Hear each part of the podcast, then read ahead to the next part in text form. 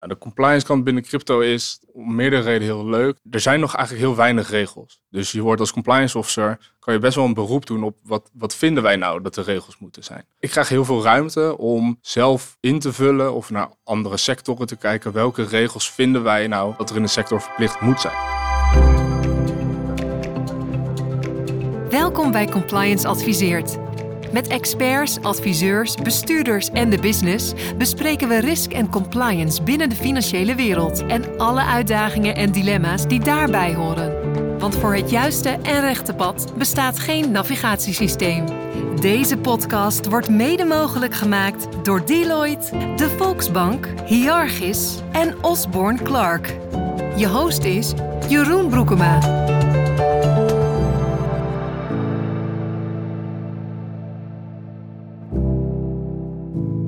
Welkom luisteraars bij een nieuwe aflevering van Compliance Adviseert. Hartstikke leuk dat je weer luistert naar deze podcast. En vandaag gaan we het hebben over compliance in de cryptowereld met de Senior Compliance Officer van Amdax, Mauro Halve. Welkom Mauro. Dankjewel Jeroen. Hartstikke leuk dat je er bent hier in Driebergen-Zeist op een, op een stralende dag.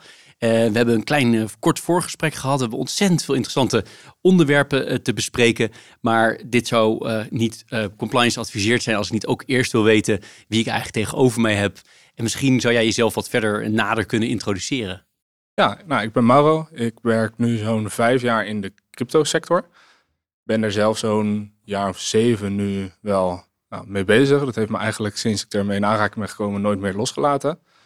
Mijn, studie, uh, mijn vriendin zei altijd, gekscherend, ja, je hebt de verkeerde studie gekozen, want ik hoor jou alleen maar over die muntjes. En nou, ik heb dus HBO-rechten gedaan en eigenlijk tijdens een thuisstudie die ik uh, deed, raakte ik vooral veel afgeleid door wat bitcoin. Um, vrienden van mij die waren veel aan het gamen en die hadden eigenlijk nou, al het geld wat zij in dat spel verzamelden, wilden ze eigenlijk verkopen om nou, daar euro's van te hebben. Nou, dat kon niet, maar dat kon wel via een soort marktplaats met Bitcoin. Nou, daar had ik nog nooit van gehoord. Daar leerde ik wat over en zij zagen ook van hey, de ene keer krijgen we daar meer voor dan de andere keer. Dus het, het, er zat een soort wisselkoers in. Nou, en ik vond het zelf vanuit, ik heb ook wel wat gegamed, altijd heel interessant dat wat ik in een één spel verkreeg, dat ik dat nooit kon meenemen naar een ander spel. En dat ik dat eigenlijk dan nou, verloor als ik iets anders wilde gaan spelen. Vond ik heel interessant en ik was zelf ook wel bezig met ja, ik heb wat geld gespaard. Dat wordt eigenlijk op de bankrekening nou, qua koopkracht alleen maar minder waard. Hoe kan ik nou, nou daar iets, iets op verzinnen? Dus ik, ik begon een beetje te spelen met het idee, ik wil iets met beleggen. Nou, en die twee gebeurtenissen kwamen eigenlijk samen. Zo ben ik in, uh, in Bitcoin gerold, als het ware. Nou, daar ben ik over gaan lezen, over gaan leren. En nou, ook wel de wind meegehad de eerste jaren. Nou, dat, dat ging vrij hard omhoog, ook uh, die periode. En dan hou je toch een bepaalde interesse, maar je leert al heel snel dat het veel meer is dan alleen dat. Althans, ik wel. Nou, in 2019 heb ik dan mijn, eigenlijk mijn eerste cryptobedrijf opgericht. Um, waarbij ik, ja, wat ik eigenlijk vooral voor mezelf en voor mijn broertje deed, is wat beleggen in bitcoin en crypto. Dat uh, ging ik ook voor anderen doen, voor klanten.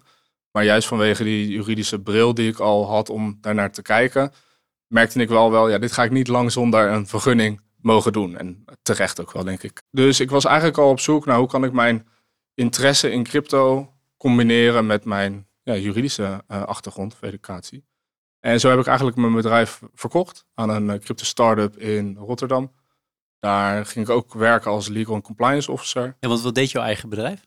Ja, ik was dus vermogensbeheer achter. Dus ik deed beleggen voor uh, mijn, mijn klantgroep. Echt, echt vermogensbeheer. Eigenlijk al wat je nu later bij Amdox ook bent gaan doen. Zeker, ja. Alleen maar dan... ik ga te snel. Ja, nee, geen probleem. Maar ja, dus dat, uh, dat verkocht ik. Ik ging aan de slag. En dat, nou, de start-up die was eigenlijk geïnteresseerd in... kunnen wij ook een DNB-registratie halen? Zo werd ik als head of uh, compliance eigenlijk verantwoordelijk... om die registratie te gaan halen. Nou, dat lukte. Ik groeide door tot uh, chief compliance officer... met een bestuurstoetsing bij de Nederlandse Bank. Mooi hoe het kan lopen, hè? Want het is dus... Eerst heb je het in dit gesprek over muntjes, dan gaat het uh, richting van hem een juridische achtergrond. Uiteindelijk dat bedrijf daarin. En, uiteindelijk kom je dan uh, bij Amdax terecht. En daar ga je dan ook weer in die compliance hoek verder. Omdat je daar ervaring hebt opgedaan. En wat, wat spreekt je aan aan die compliance kant? Nou, de compliance kant binnen crypto is om meerdere redenen heel leuk. Ten eerste is het, er zijn nog eigenlijk heel weinig regels. Dus je wordt als compliance officer, kan je best wel een beroep doen op wat, wat vinden wij nou dat de regels moeten zijn. Dus je kan heel erg nadenken. Nou, het ligt een beetje aan de cultuur binnen je bedrijf natuurlijk. Maar ik krijg heel veel ruimte om zelf in te vullen of naar andere sectoren te kijken. Welke regels vinden wij nou van toepassing op ons? Wat, wat zouden we vinden dat er in de sector verplicht moet zijn? Dus eigenlijk het feit dat het nog heel erg in ontwikkeling is en nog eigenlijk nog best wel in de kinderschoenen staat. Zeker, ja, dat vinden wij eh, echt. We gaan het straks hebben over een stuk meer regelgeving, maar dus die komt er wel aan. Maar op dit moment zijn er, naar ons idee, gewoon te weinig regels. En kan je dat dus redelijk mooi zelf invullen. en daarnaast heb je het gedeelte dat de transactiestromen op de blockchain, die zijn openbaar. Dus als je daar dat goed kan lezen, kan je eigenlijk veel meer over een transactie of over een persoon of over een wallet te weten komen dan je met een eurogeldstroom zou kunnen zijn die je binnenkrijgt.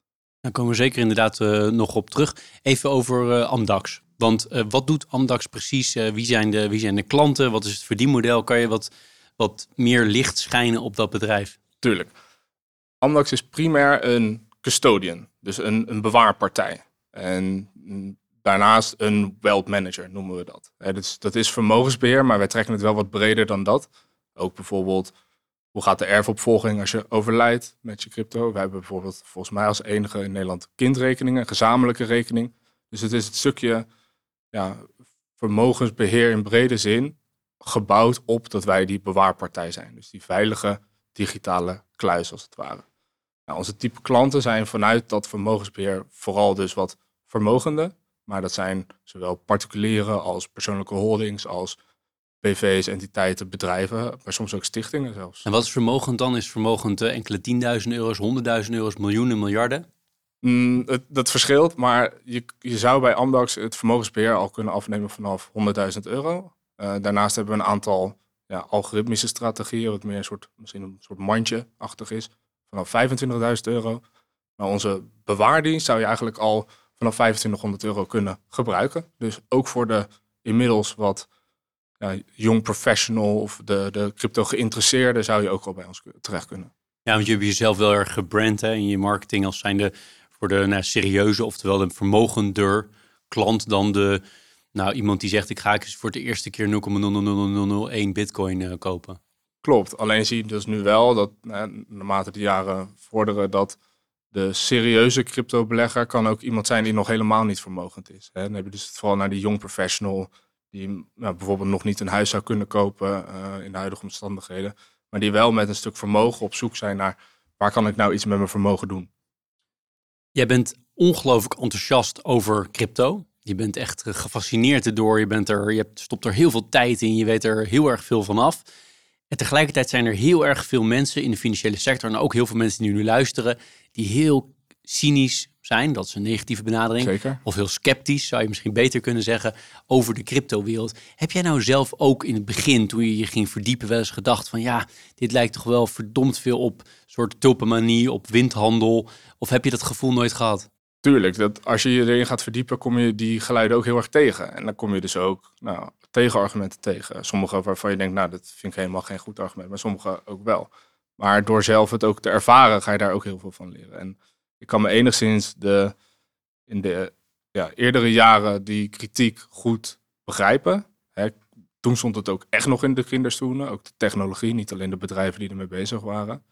Alleen ja, ik, af en toe kan ik niet begrijpen, maar het is ook mijn eigen enthousiasme natuurlijk, omdat ik het zo gaaf vind, ehm, dat dat nog steeds voorkomt. Maar ja, ik, wij, wij horen die geluiden natuurlijk genoeg. Ja, want als jij naar crypto kijkt, hè, misschien heel bazaal, maar hoe kijk jij naar crypto? Wat is het eigenlijk voor jou? Want eh, moet ik het zien als zijnde puur iets wat je kan verhandelen? Of is het voor jou de techniek of is het nog iets anders? Het is voor mij een aantal dingen. En dat is het mooie met, uh, met crypto, dat het ook afhankelijk van waar je vandaan komt, waar je woont, wat je behoefte is, dat het iets anders kan zijn. Dus je hebt enerzijds bitcoin of crypto als betaalverkeer. Nou, in sommige landen is het hebben van betaalverkeer zonder dat daar een, ja, een, een derde partij aan te pas hoeft te komen, kan dat heel waardevol zijn. Bijvoorbeeld in een totalitair regime waar jij niet wil dat de totalitaire overheid weet dat jij een donatie doet naar een tegenpartij bijvoorbeeld, omdat dat risicovol voor je kan zijn. Anderzijds heb je een stukje in de wereld wat misschien unbanked is. Dus wat enkel met een telefoonrekening op zoek is naar hoe kan ik nou fatsoenlijk een betrouwbaar betaalverkeer hebben. Nou, ook daar kan crypto voor gebruikt worden. Nou, en dan heb je bijvoorbeeld crypto als spaarmiddel, waarbij mensen dus, hè, zoals ik net ook al aangaf, misschien op zoek zijn naar het geld op de bank wordt, hè, als ik dat 50 jaar op de bank laat staan, hè, zijn het dezelfde euro's, maar verliest dat heel erg zijn koopkracht. Nou, die zijn op zoek naar een, een, manier om in te sparen. Maar bijvoorbeeld ook, hè, bijvoorbeeld in Turkije of in Argentinië zie je dat Bitcoin heel populair is om geld in aan te houden, omdat het, die volatiliteit van Bitcoin veel minder is dan hun valuta. Nou, dan heb je natuurlijk crypto wat mensen als belegging zien. Uh, een, een, onderdeel van hun beleggingsportefeuille, uh, wat ook steeds meer opkomt. Nou, Bitcoin als, als, als rekeneenheid, hè, zoals het, het voorbeeld hoe die vrienden van mij met het gamen, uh, dus als, als ruilmiddel of rekeneenheid door verschillende valuta, maar ook bijvoorbeeld verschillende altcoins te willen aankopen. Maar voor mij eigenlijk het belangrijkste is crypto als, ja, ik noem het even, onafhankelijke openbare digitale infrastructuur. En daar kom je eigenlijk wat een trend die nou, dit jaar wel is ingezet en de komende jaren echt wel groot gaat worden, is dat je dus die blockchain, die, de, de lagen die je op Bitcoin of Ethereum kan bouwen, dat je daar eigenlijk door middel van het tokeniseren ook heel veel andere nou, dingen op kan vastleggen. Dus bijvoorbeeld stablecoins is daar een mooi voorbeeld van. Ook uh, het, het, tokeniseren van vastgoed zou iets kunnen zijn, maar je ziet nu ook veel meer obligaties en aandelen die eigenlijk als een soort tokenized blockchain vorm nu worden aangeboden. Ja, want wat betekent dat precies voor, voor, uh, voor, voor, heel hè, voor iemand die dat heel concreet wil maken? Het, het tokenization, het tokenizen van iets? Ja, een, een obligatie, laten we die dan als voorbeeld noemen, is vrij complex als je het kijkt van uitgifte tot aan aankoper. Um, er komen verschillende schijven. Het is niet transparant. Het is vaak niet efficiënt, omdat er nou, een aantal dagen, en dan heb ik het over kantoordagen, overheen moeten gaan. Terwijl als je dat dus op een blockchain zou uitgeven, nou, dan is het 24/7 beschikbaar. Het is makkelijk en snel overdraagbaar. Het is heel liquide.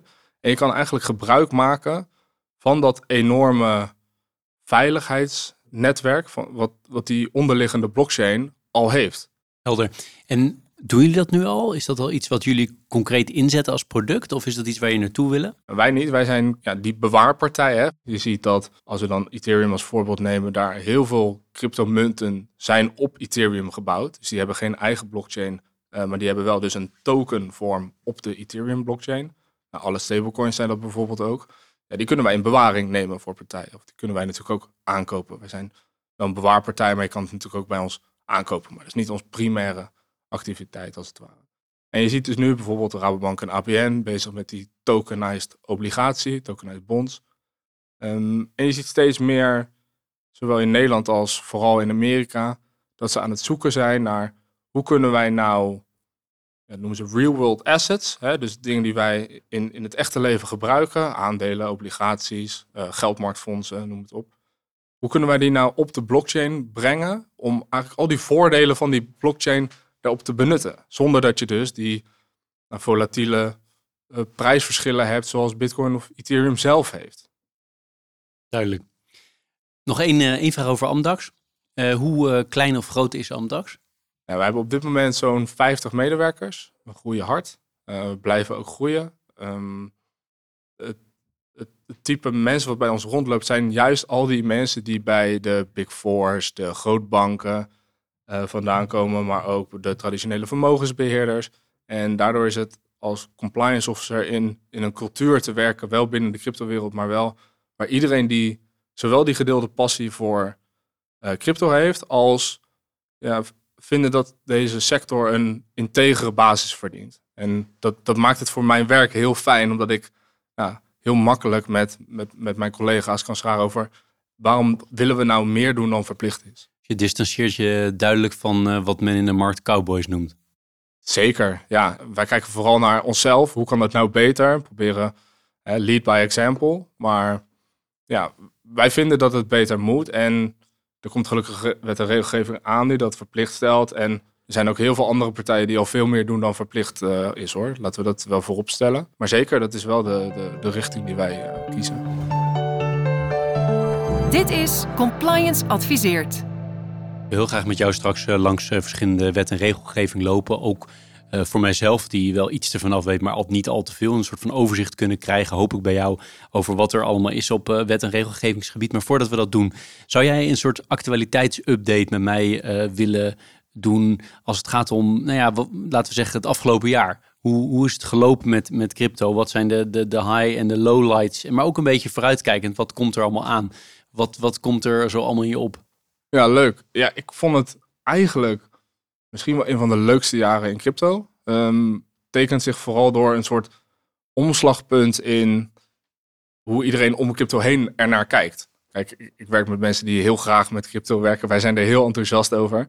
Maar die, dat enthousiasme, of laat ik het in ieder geval zeggen, het wat serieuzere kijk, die merken we nu ook wel wat meer van buitenaf. Um, ik heb niet voor elke maand de, de hoogtepunten op een rij, maar als, ik, als we kijken naar hoe, hoe ziet nu die crypto sector eruit? Nou, Bitcoin heeft op dit moment een twee keer zo grote marktkapitalisatie. Hè, dus wat, is, wat zijn alle Bitcoin bij elkaar waard?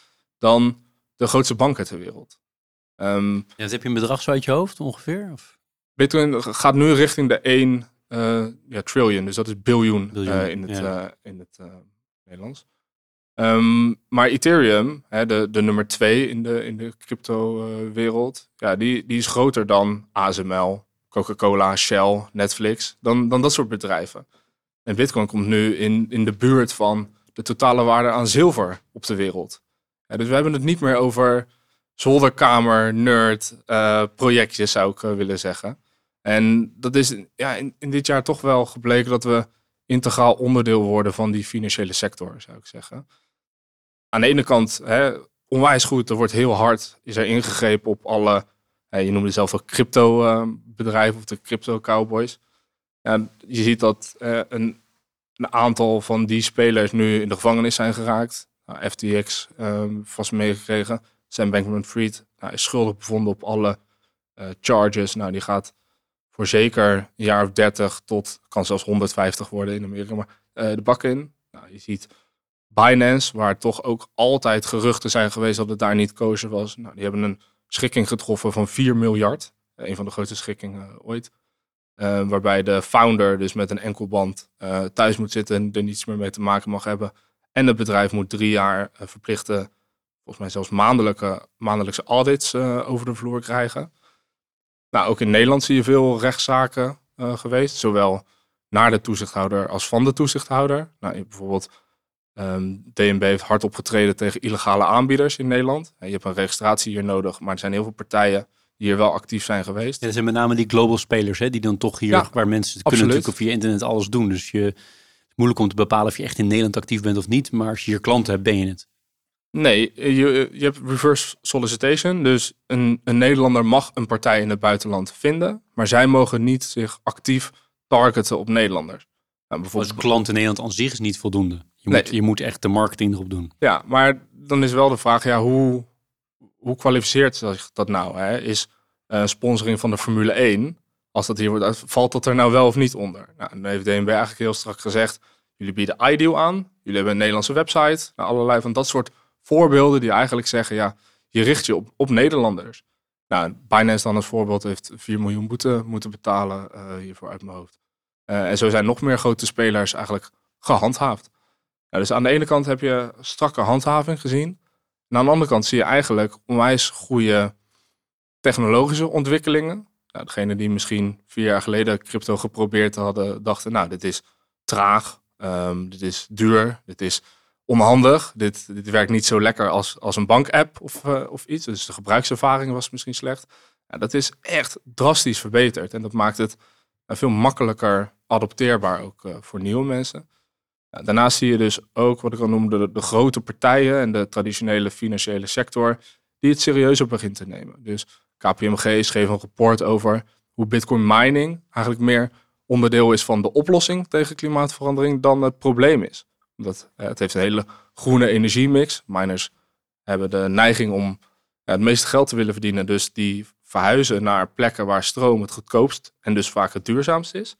Maar ook het is heel makkelijk om Bitcoin mining af en aan te schalen. Waardoor je ziet dat uh, de staat Texas Bitcoin mining eigenlijk heel erg gebruikt om het energienet te kunnen balanceren.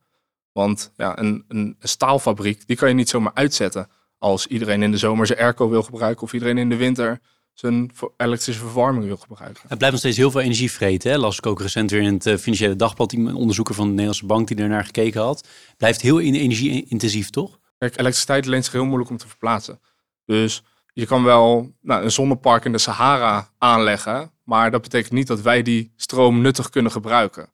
Nou, en bij een aantal use cases, uh, daar blijkt Bitcoin gewoon onwijs goed op locatie makkelijk aan en uit te zetten, energie of elektriciteit te kunnen gebruiken. En daarnaast zie je dus bijvoorbeeld ook nu dat heel veel kassen in Nederland de warmte die die miners afstoten als restwarmte, gebruiken om de kassen te verwarmen, zodat ze dat niet met gas hoeven te doen. Daarnaast hebben we bijvoorbeeld uh, methaan afvakkelen. Dat komt uh, vaak vrij bij uh, delving van grondstoffen. Nou, als je dat afvakkelt, kan je heel makkelijk in de atmosfeer doen. Nou, dat is vele malen slechter dan CO2 uitstoten. En door een ja, een zeecontainertje aan bitcoin miners die uh, dat om te zetten in elektriciteit. Ja, dan kan je die elektriciteit gebruiken voor die mining, want je kan niet zomaar elektriciteit het stroomnet opsturen. we hebben in Nederland ook hebben nu inmiddels steeds vaker de discussie over onbalansen in het net. Jij maakt je niet zo zorgen over de energie die nodig is om de hele, de hele uh, crypto-wereld in, in de lucht te houden. Nou, als je het dus weer koppelt aan waar we het net over hadden, dus de, die tokenization die gebruik maakt van die veiligheidslaag die bijvoorbeeld Bitcoin dan uh, heeft.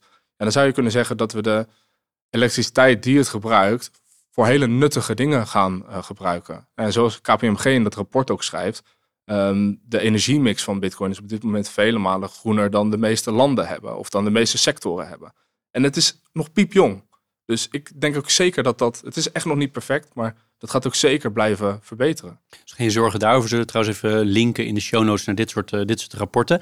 En ik zei tegen jou van, uh, of ik vroeg aan jou van de hoogtepunten en de, de lowlights. Hè. Zijn er nog meer hoogtepunten? Dan wil ik ook nog de dieptepunten horen, want die zijn er ja, misschien ook nog wel. Zeker. Nou, wat ik ook in het, het kopje legitiem worden van de sector vind, is dat uh, de NVB, Nederlands Vereniging van Banken, een sectorstandaard voor cryptobedrijven heeft um, opgesteld.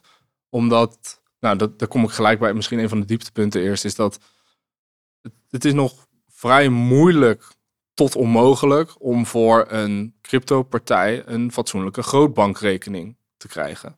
Nou, dat daardoor, of nou, dat hangt ermee samen dat een aantal kleine bedrijven misschien daardoor juist meer gaan cowboyen. Maar zelfs voor ons, uh, toch een nou, inmiddels gerenommeerde namen, waren de eerste met een DNB-registratie in Nederland.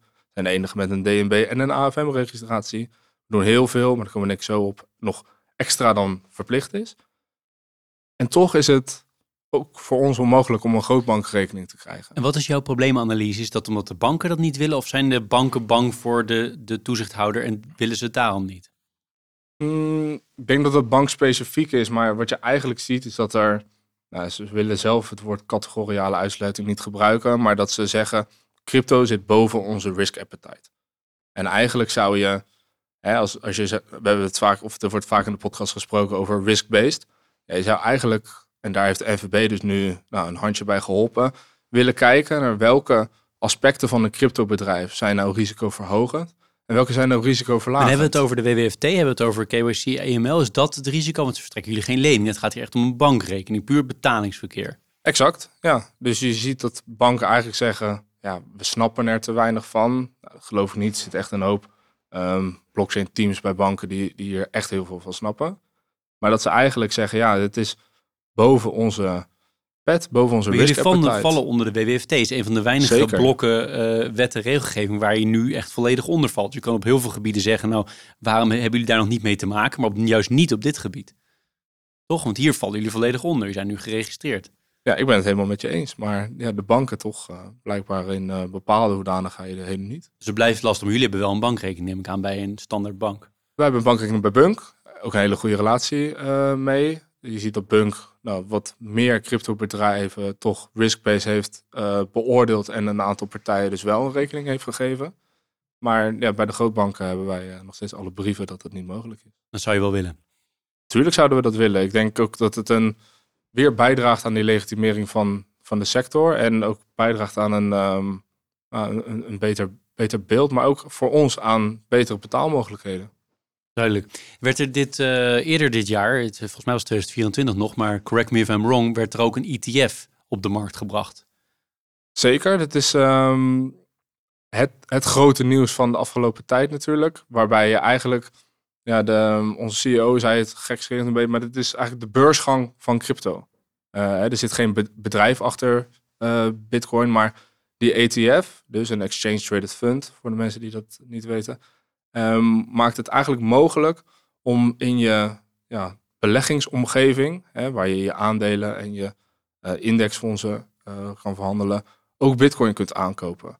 Nou, het werd um, op RTL door Jacob Schoenmaker gezegd als hè, eindelijk fantastisch nieuws voor de boomers, want dit snap ik. Dit kan ik gebruiken, dit zit al in mijn app.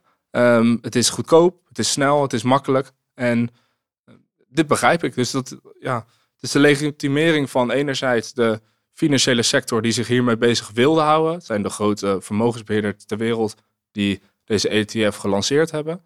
En anderzijds een, een nieuw publiek wat kennis zou kunnen maken met crypto. Is dit ook een product wat je eigenlijk zou willen aanbieden aan je klanten? Of bieden jullie dat aan? Nee, wij bieden dat niet aan. Wij hebben dus de registratie om, om crypto-activa uh, aan te bieden. Zou niet leuk zijn om ook zo'n ETF aan te bieden? Als broker? Mm. Nou ja, jij doet dit aan de compliance kant, maar ik ben, was even tussendoor geïnteresseerd. Nee, ik denk dat dat voor ons uh, niet is. Je moet daar natuurlijk ook een uh, MIFID-vergunning voor hebben. En wij, wij, wij zitten echt op de bewaring van die crypto zelf. Nou, je ziet dat die ETF-aanbieders, die gebruiken ook custodians om die onderliggende bitcoin in vast te houden. En wij zijn echt expert op het gebied van, joh, hoe beveilig je nou als een soort digitale kluis die onderliggende crypto? Mooi. Er zijn nog andere, je hebt een hoop uh, hele uh, mooie hoogtepunten beschreven die wat jou betreft bijdragen aan de legitimering van de, nou, deze asset class, deze sector, de subsector van de financiële sector. Zijn er nog dingen die je moet noemen aan de wat minder positieve kant? Of hebben we, hebben we alles wel, uh, wel gehad wat jou betreft? Nou, om dan misschien nog even te herhalen, is dat de, de dieptepunten van dit jaar of van vorig jaar, uh, die zijn eigenlijk dus, je ziet de, de ommekeer naar het positieve. Dus de handhaving op die foute partijen en op die foute um, CEO's. En op, de, op, op eigenlijk alles wat je niet in de sector wil hebben, is gewoon keihard op, uh, op gehandhaafd. En dat, nou, het, het nadeel of het dieptepunt, te weinig regelgeving. Ja, er is juist ook weer heel veel duidelijk geworden in dat we eigenlijk volgend jaar een onwijs helder level playing field krijgen in, in regulatie. Nou, je legt een uh, rode loperbruggetje voor me neer als het gaat om het, het volgende onderwerp, namelijk uh, wet en regelgeving. Ik haal het al even aan, hè, de WWFT. Daar vallen jullie gewoon uh, direct onder tegenwoordig. Ik weet niet sinds wanneer precies. 2020. 2020. Waar vallen jullie nog meer onder en waar gaan jullie ook nog meer onder vallen? Ja, op dit moment is onder de DNB-registratie heb je de WWFT en de sanctiewet, waar we vanuit dus de AML D5, de Nederlandse implementatie van de Europese richtlijn, aan moeten voldoen. Nou, alle landen in Europa hebben een eigen invulling als het ware van die AML D5. Dus bijvoorbeeld, de een heeft wel een wat meer vergunningsstelsel, de ander heeft een duaal stelsel, wij hebben een registratiestelsel. Nou, de Europese um, MICAR, de Markets in Crypto Assets Regulation, is dus een, een, een verordening die ervoor zorgt dat al die Europese landen aan dezelfde regels eigenlijk moeten voldoen. Dus je krijgt een level playing field en we gaan van de registratie naar een vergunningsstelsel. dus een veel strikter regime met veel doorlopender toezicht, met uh, nou, veel omvangrijker uh, regels. Dus niet alleen maar AML, maar ook veel breder dan dat. Is dit AFM of is dit DNB? De, D de AFM komt er inderdaad bij als toezichthouder. Ja, want de. WWFT is DNB. Ja, nou, de, de prudentiële toezicht zal onder uh, DNB vallen. En eigenlijk de rest wat erbij komt, ook komt bij de AFM terecht. En welke elementen worden echt nieuw voor jullie, waar je aan moet, uh, aan moet voldoen? Nou, voor ons viel het gelukkig wel mee. Hè? Wat ik al eerder vertelde, wij hebben eigenlijk altijd al gekeken naar welke regels vinden wij nou dat we al moet, zouden moeten naleven. Dus we hebben al een hoop kunnen implementeren van wat er straks verplicht stelt. Maar de kern van de verschillen liggen in consumentenbescherming en in het, de vergunning voor cryptodienstverleners. En er zit een heel groot pakket in wat ook de stablecoins uh, veel strenger zal reguleren. Nou, dat is voor ons dus niet heel erg van toepassing, maar misschien voor de luisteraars wel heel interessant. De stablecoins worden eigenlijk onderscheiden in uh, stablecoins die een valuta als nou, backing hebben. En stablecoins die een ja, andere activa als backing hebben. Dan moet je bijvoorbeeld denken aan een stablecoin die de waarde van goud volgt. Of een, een mandje valuta's volgt. En dat komt dan weer over dat tokenization uh, op terug. Dus dat voor de sector in Nederland veel, uh, veel betekenen qua omslag? Moet er heel veel gebeuren of valt dat enigszins mee? Um, ik denk dat er voor een hoop partijen uh, heel veel gaat veranderen. Het wordt echt heel veel strenger. Er komen veel strengere eisen die gericht zijn dus op consumentenbescherming. En die dus eigenlijk veel zwaarder maken voor bedrijven om daaraan te houden. Um, de kosten gaan ook aanzienlijk omhoog. Niet alleen voor de voorbereiden, maar natuurlijk ook hè, de vergunningsaanvraag, uh, vergunningstoezicht, doorlopende kosten die daarbij gemoeid gaan. Ik denk dat een hoop partijen zich heel hard moeten, uh, heel veel moeten doen om, om hieraan te kunnen voldoen. Ik heb misschien wel meer, meer consolidatie, ook in de Nederlandse markt. Zeker, ja, die heb je ook al wel een beetje kunnen zien. we hebben een aantal van de internationale spelers die de wat kleinere Europe, uh, nou, Nederlandse, maar ook Europese spelers aan het overnemen zijn. Je ziet dat een aantal van de brokers bijvoorbeeld samenvoegen en het aanbod aan crypto-spelers zal kleiner worden. Je luistert naar Compliance Adviseert. Als je nou compliance officer bent bij een grootbank bijvoorbeeld, of bij een andere financiële instelling, en je wil op cryptogebied eh, dit soort dingen goed volgen. Wat is dan nu de belangrijkste wet en regelgeving waar je naar moet kijken? Is dat inderdaad MICAR? Is dat het startpunt of moet je elders beginnen? Ja, ik zou beginnen bij inderdaad kijken naar wat is er nu verplicht. Hè? Dus dan heb je het DNB-stukje. Dan MICAR is het eigenlijk het eerstvolgende wat gaat komen. Samen met de TFR, dat is de Transfer Funds Regulation. Dat is ook wel bekend als de Travel Rule, die ook voor crypto toepasbaar gaat zijn. En dan krijg je straks ook de DORA die verplicht wordt voor uh, cryptopartijen. En de DAC 8, dat is eigenlijk de uh, Directive Administrative Corporation. Hè? Dus um, wij zullen dan als cryptopartij ook aan de fiscus de balansen van onze klanten moeten doorgeven. Wat bijvoorbeeld bij een beleggingsrekening ook gebeurt. Voor belasting purposes. Uh, ja, zeker. Ja. Um, dus dat is vanuit wetgeving wat er nou, de komende tijd gaat spelen. Duidelijk. Ik ben nog even benieuwd naar, zijn er naast alle wet en regelgeving die er nu is en komt, nog onderdelen op wet en regelgevingsgebied waarvan je zegt dat zou ik graag ook verplicht gesteld zien? Ja, nou, ik weet niet of het verplicht zou moeten zijn voor elke partij, maar het is natuurlijk um, voor partijen heel goed om na te denken over hoe heb je nou je processen en je interne controle op orde.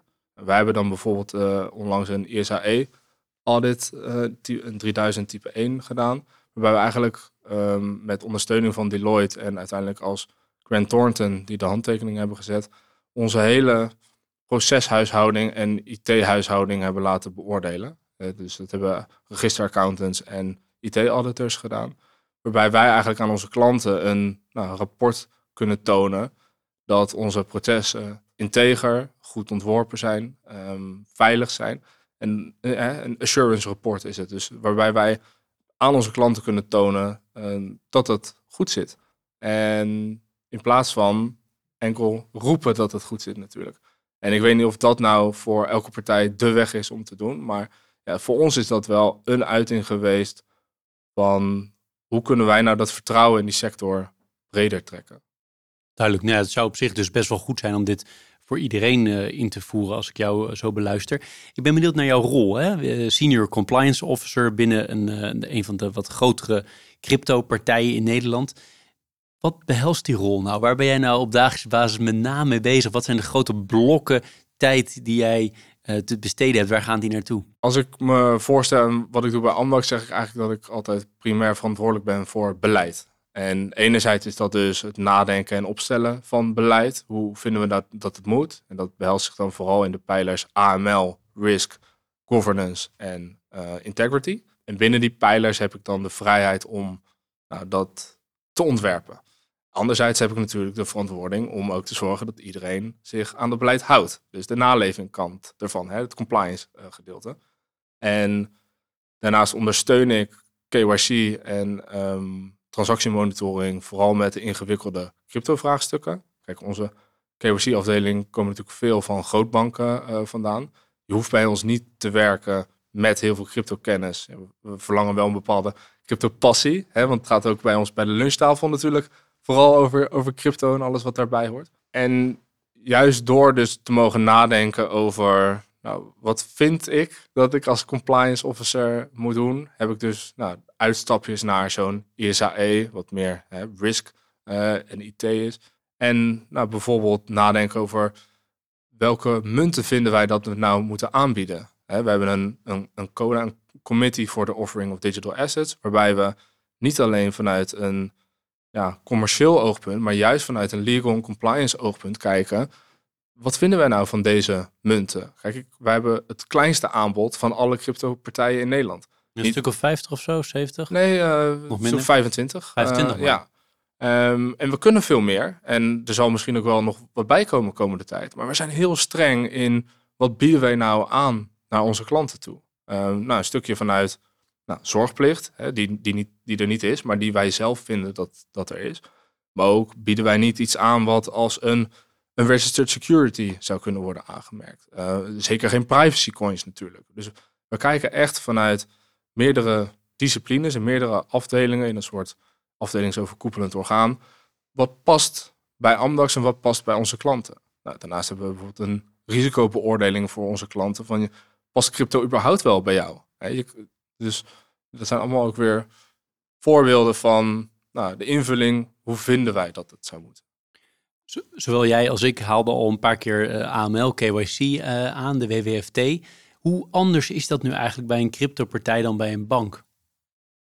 Ik denk dat er wel wezenlijke verschillen ook zitten, los van heel veel overeenkomsten. Kijk, wij hebben natuurlijk hè, eh, een, een klantdossier en het onderzoek naar een klant zal redelijk gelijk zijn. Maar wij hebben denk ik wel een extra ja, troef, als je het zo kan noemen. Dat wij dus die transactiestromen op de blockchain heel goed kunnen volgen, omdat die openbaar zijn. En daar hebben we ook extra tooling voor en getrainde medewerkers. Waarbij we eigenlijk um, van elke transactie kunnen zien, nou, zoveel procent van deze transactie is bijvoorbeeld op het dark, dark web geweest. Dus hè, dat noem je indirect exposure. Wij kunnen van elke transactie zien, nou, acht hops geleden is dit in een mixing service geweest wat we niet willen. Is dit op het darknet uh, geweest of is dit als stolen funds aangemerkt? En nou, door inzicht te hebben in die hele transactiestroom en nou, in combinatie met onze proof of funds, source of funds, source of wealth onderzoeken, hebben wij, nou, denk ik, een nou, misschien vollediger beeld van waar die bitcoin nou daadwerkelijk geweest is. Stoppen jullie veel? Mm. Maar zijn jullie, dragen jullie bij aan het schoonhouden van het financiële systeem, wat de, zeg maar, het doel is van de WWFT? Dat zeker. Uh, of dat veel is, denk ik niet. Kijk, wij zitten in de redelijk luxe positie dat vanwege het imago wat, wat, wat we hebben, dat wij hebben niet veel klanten, maar het zijn vooral vermogende klanten. Um, dus wij hebben nou, nog nooit een identiteitsfraude case uh, probeer, uh, gezien. We hebben, ja, er komt weinig jullie melden wel veel bij de FIU? Of Zeker. jullie melden wel bij de FIU, neem Zeker, zowel objectief als subjectief af en toe inderdaad. En um, die blockchain monitoring tool, hè, Chainalysis is dan de, de bekendste, er zijn er veel meer. Ja, die, die helpen ons zowel bij de verslaglegging als bij de identificatie, maar ook, ja, dat is allemaal real-time, die monitoring. Dus het is niet dat wij aan het eind van de maand denken, hey, dit is wel vervelend dat die er doorheen is gekomen. Nee, die wordt gewoon gestopt automatisch binnen de bandbreedtes die wij kunnen ja, programmeren, als het ware. Maar één vraag hè, voor een relatieve leek. Als jij zegt hij is zoveel hops geleden, hè, dus zoveel transacties geleden, is die een keer ergens geweest waar die niet zou moeten zijn. Betekent dan dat daarmee is die laatste transactie niet verkeerd aan zich, toch? Zeker dus niet. moet je hem dan blokkeren? Wat doe je daar? Wat doe je met die informatie als je weet dat hij zoveel transacties geleden in een, op verkeerde plek is geweest? Ja, dus wij hebben een, een meldingssysteem waarbij we kunnen zeggen, nou, als er hè, maar 1% indirect exposure is en dat is zoveel hops geleden, ja, dan kan je zeggen, dit, dit accepteren we, want dit kan niet, hoeft niet van de klant te zijn. Nou, wij, wij, zoeken dat wel natuurlijk altijd uit. Zo'n uh, signaal, zo'n melding is natuurlijk wel reden om iets verder te onderzoeken. Maar daarbij, ja, dat zou natuurlijk heel legitiem kunnen zijn dat als iemand het gewoon op een exchange gekocht heeft, um, met schone gelden, die we natuurlijk ook onderzoeken, um, dat wat er wordt ingestuurd, dat dat prima is. Maar wat daar ja, zes hops geleden is. Net het briefje wat in je portemonnee zit. Ja, als daar tien hops geleden uh, iets, iets mee gedaan is wat we niet willen, kan je dat ook niet jou aanrekenen. Dus wij hebben enerzijds de verplichting om dat te onderzoeken, vinden we in ieder geval zelf. En daarbij kan je dus een afweging maken. Nou, twee hops geleden, dat is wel heel dichtbij. Zeker met crypto. Hè. Het is heel makkelijk overdraagbaar van wallet naar wallet. Iemand kan ook expres een aantal hops doen om te laten lijken dat het ehm, nou, niet van, van hem of haar is. Dus ja, wij zullen daar altijd afhankelijk van het aantal hops, percentage van het uh, bedrag en ook op wat voor melding het dan is. Hè? Dus, dus dark web of uh, mixing of um, nou, DeFi zou je ook al kunnen ook een melding op krijgen. Kunnen wij dus parameters bepalen wat we wel en niet acceptabel vinden of wat we opvolging. Ja, want wordt die crypto-wereld in jouw beleving nou veel gebruikt voor witwassen? Nou, je hebt een Crypto Crime Report, wat elk eh, jaar uitkomt. Uh, Chainalysis heeft hem uh, um, nou, nu de preview online gezet. En ik denk over een week of twee komt die volledig uit. Waarin je eigenlijk ziet dat 0,34% van al het on-chain transactievolume hebben zij als illicit verklaard. Daarnaast als je gaat kijken naar de totale omvang van crypto, of nee, van um, witwassen wereldwijd. Um, nou, dan zijn de schattingen dat minder dan een half procent van al het witwassen middels crypto gebeurt. En wat we elk jaar zien, is dat dat verbetert. Of vermindert. Ja, verbetert uh, voor ons. En dus ik denk dat criminelen steeds meer bewust zijn van hoe openbaar die blockchain is. En onze tooling wordt daar ook alleen maar beter voor.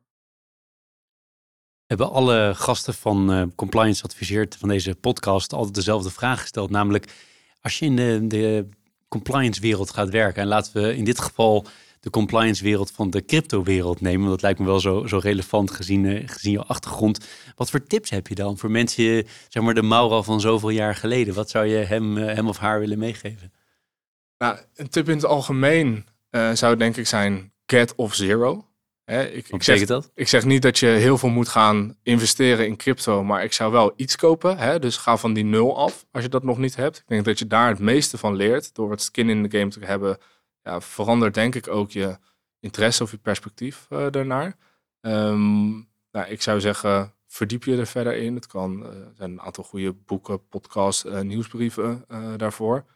Um, ja, ik zou vooral zeggen als je al een, een mening hebt opgedaan in de afgelopen jaren, um, probeer die te herzien. Hè, crypto nu is niet meer hetzelfde als die crypto van drie jaar of zes jaar geleden. Dus dat beeld wat je er misschien bij hebt, ga eens kijken of dat anders is. Misschien kom je tot de conclusie, hey, ik vind het nog steeds te langzaam of te traag of te, te veel criminelen die ermee bezig zijn.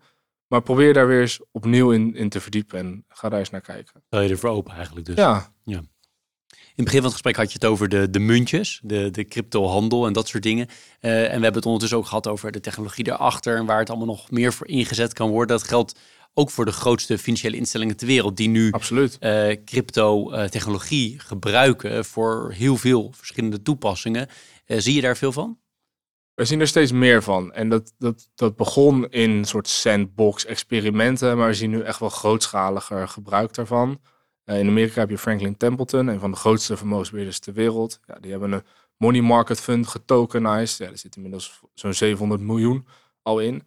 En zo zie je dat elke sector, dus hè, aandelen, obligaties of elke ja, hoek van de financiële sector, hier eigenlijk mee bezig is om die technologie te omarmen. En we hebben, er is wel uh, een aantal jaar geleden was het altijd, ja, it's about blockchain, not bitcoin. Nou, je ziet nu eigenlijk dat partijen niet meer een eigen blockchain aan het bouwen zijn, maar dat ze juist die toepassingen op de bestaande blockchains uh, aan het zoeken zijn en aan het, aan aan het onderzoeken zijn. En als je dan dus uh, inderdaad verder gaat verdiepen wat je er met jouw organisatie bijvoorbeeld mee kan, of überhaupt gaat verdiepen in het onderwerp, heb je dan, je haalt net al even aan, hè, dat er interessante plekken zijn uh, om, om te gaan lezen, luisteren, kijken. Heb je zo een paar dingen on top of your head die we in de show notes kunnen opnemen? Ja hoor, en een boek wat voor mij in ieder geval nog ook heel veel impact heeft gehad is Ons Geld is Stuk van Bert en Peter Slachter. Um, dat ziet echt wel meer op hoe ziet nou het traditionele financiële systeem eruit en waarom zou Bitcoin een oplossing zijn voor dat probleem. Daarnaast, ja, de, de, de BNR's Cryptocast is, een, is een, een podcast die ik echt wel wekelijks luister, waarin je in een goede 20 minuten soort nieuwsoverzicht hebt. En daarnaast een, een podcastgedeelte wat een, verdiepende slag uh, stelt. En ja, ik zou dan ook Satoshi Radio uh, absoluut um, aanraden. Um, voor mij is dat een beetje alsof je in de kroeg zit met je drie professoren.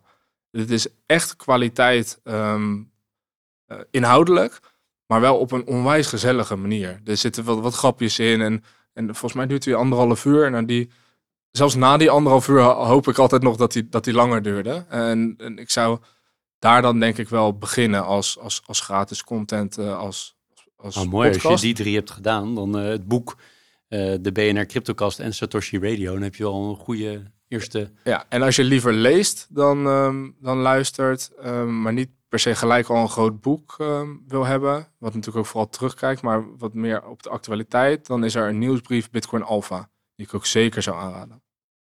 Nou, we, gaan ze, we gaan ze opnemen in de, in de show notes, zodat mensen kunnen, kunnen nalezen als ze dat uh, interessant vinden. Um, tot slot uh, van mijn kant uh, de vraag van Mauro. we hebben heel wat kunnen, kunnen coveren. maar er is natuurlijk nog veel meer. Er zijn nog dingen die we echt gemist hebben. Waarvan jij zegt, nou, dat zou ik toch wel heel leuk vinden om hier nog even te delen. Ja, goede vraag. Ik, ik zou dan toch misschien nog even willen benadrukken dat...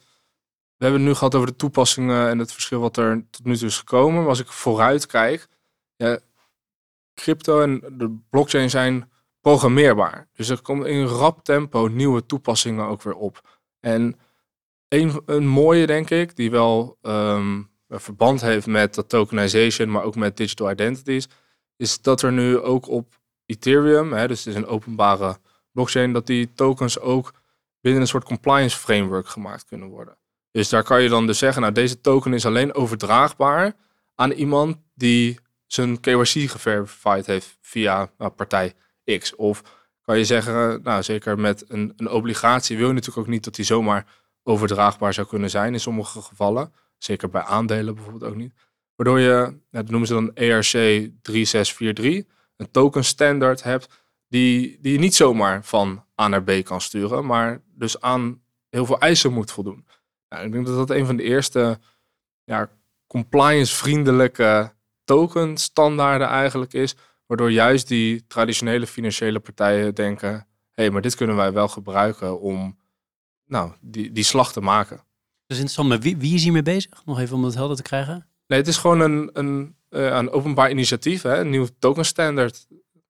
Maar in de zin van moet ik het zien als een soort open, uh, open source-achtig. Er zijn heel veel mensen zijn hiermee bezig met deze token standard. Of Absoluut. zit er een bepaalde groep achter die daar, nou ja, die dat uh, is begonnen? Nou, je hebt ook het Ethereum Foundation, wat dat uh, nou, een beetje coördineert in sommige gevallen. En je hebt eerst de, de 20 is dan de token standard, waar bijvoorbeeld de stablecoins en de altcoins op gemaakt zijn. Je hebt uh, ERC 751, wat meer de NFT tokens zijn. En dit is dus weer een nieuw token standard die dus ja, compliance vriendelijke um, programmeerbaarheid heeft eigenlijk. Mooi. Mooi hoe je ons hebt uh, meegenomen in de, de afgelopen tijd van deze podcast. In uh, al die verschillende onderwerpen van uh, je eigen passie ervoor. Aan, aan de ene kant de wet en regelgeving, aan de andere kant maar ook ja, hoe jij je rol vervult als compliance officer en wel een aantal blikken hebt geworpen op uh, de, de toekomst van, uh, van deze wereld. Ik vind het ontzettend boeiend. Ik uh, blijf het volgen. Het is ook wel een complexe wereld als je meer uit de traditionele financiële industrie komt. En tegelijkertijd, als je er wat in verdiept, valt het ook wel weer mee. Zoals met alles in het leven. Dus Mauro, heel veel dank voor de tijd die je hebt gestoken in de Compliance Adviseert podcast. Ik wijs er nu naar. We hebben zo nog een klein bedankje voor je, voor die tijd die je erin gestoken hebt. Dankjewel. Dankjewel. Ja, ik had denk ik nog makkelijk drie uur vol kunnen praten, maar dat uh, wellicht iets voor de volgende keer. En ja, ik denk dat iedereen, als we me volgen op LinkedIn, probeer ik ook, ja, denk twee keer per week, de brug te slaan tussen die crypto en die financiële sector door ja, als een soort hapklare brokken een aantal onderwerpen uit te leggen. Leuk, ook daar zullen we naar linken, net als alle andere zaken besproken in deze podcast. Nogmaals, dankjewel. Dankjewel. Je luisterde naar Compliance Adviseert. Deze podcast werd mede mogelijk gemaakt door Deloitte de Volksbank, Hiargis en Osborne Clark. Meer weten of een reactie achterlaten? Dat kan op onze LinkedIn. Als je ons daar volgt, ben je bovendien altijd op de hoogte van nieuwe afleveringen. Natuurlijk zijn we je zeer dankbaar als je een review achterlaat en meer mensen vertelt over deze podcast. Vergeet ook niet te kijken naar de andere podcasts op ons kanaal. Er zit vast iets tussen dat je aanspreekt. Bedankt voor het luisteren.